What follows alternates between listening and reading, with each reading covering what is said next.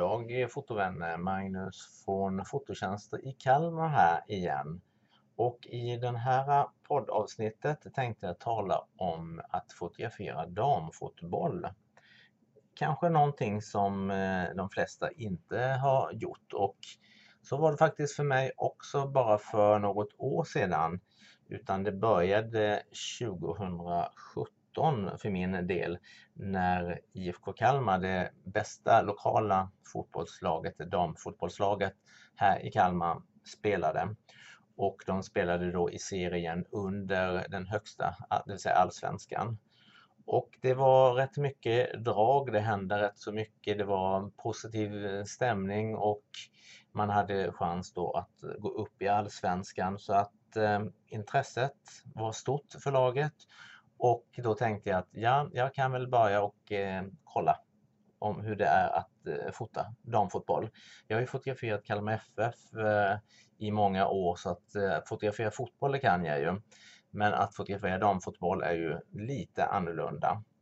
Och eh, vad menar jag med att det är lite annorlunda? Jo, det är för att i herrfotbollen exempelvis så är det eh, med eh, tjuvspel, lite mer fulspel, man filmar mer, man slänger sig, man låtsas ha ont och, och så vidare. Filmar på ren svenska.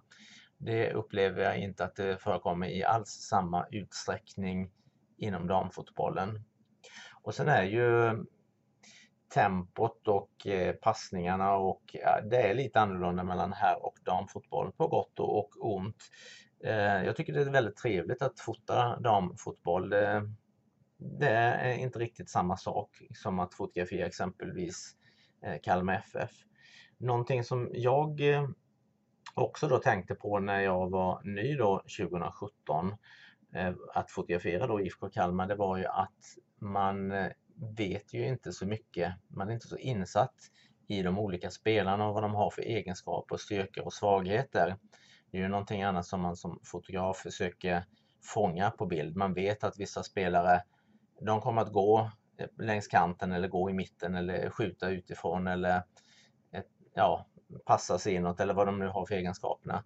När man kommer som ny då och inte känner till spelarna så vet man ju inte vilka profilerna är och vilka som är grovarbetare och så vidare. Så att det tog några matcher eh, fotograferande att lära sig vilka man skulle kanske bevaka lite extra.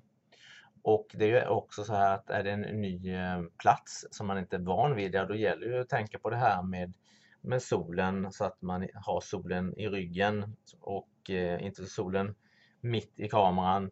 Var man får sitta, vilka vinklar, var man inte ska sitta för att störa publiken eller eh, reklamskyltar och så vidare. Så att det är ju en liten inkörning eh, givetvis.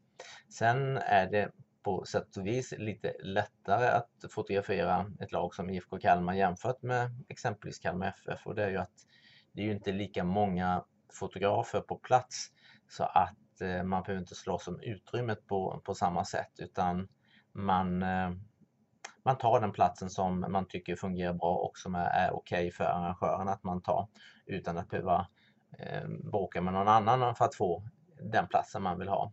Visst, det förekommer en del andra som eh, fotograferar IFK Kalmar också, bland annat stans stora mediehus är ju alltid på plats.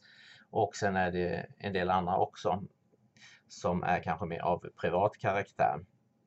När laget nu gick upp i Allsvenskan så då blir det ju lite mer att tänka på.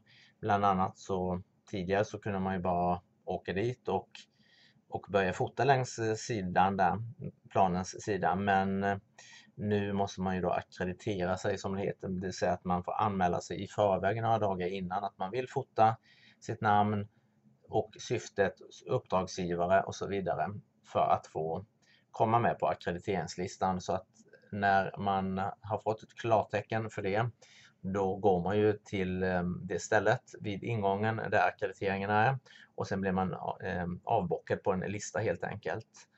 Och eh, sen ska man ju alltid visa upp att man är akkrediterad så att då får man ju låna en väst och en, ehm, en, ett ID-kort kan man säga, eller det är ingen bild på dig men ett kort som visar att du har tillträde till planen.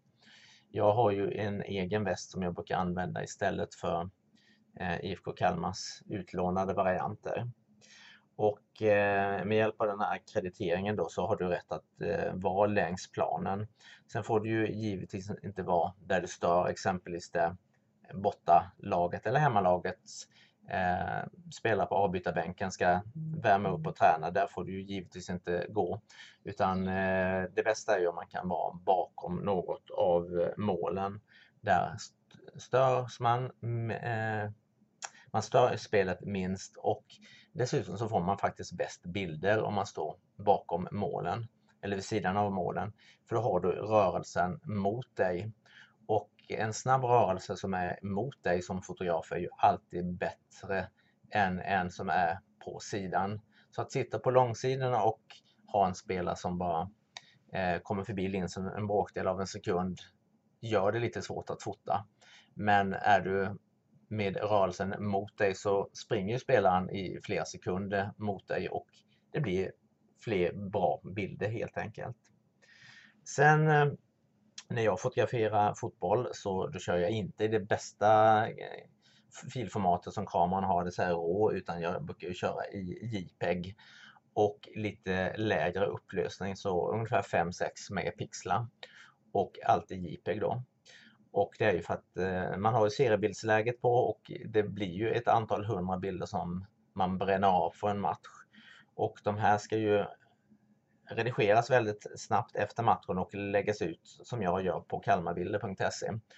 Och eh, då går ju snabbhet lite före eh, att få perfekt eh, bildkvalitet.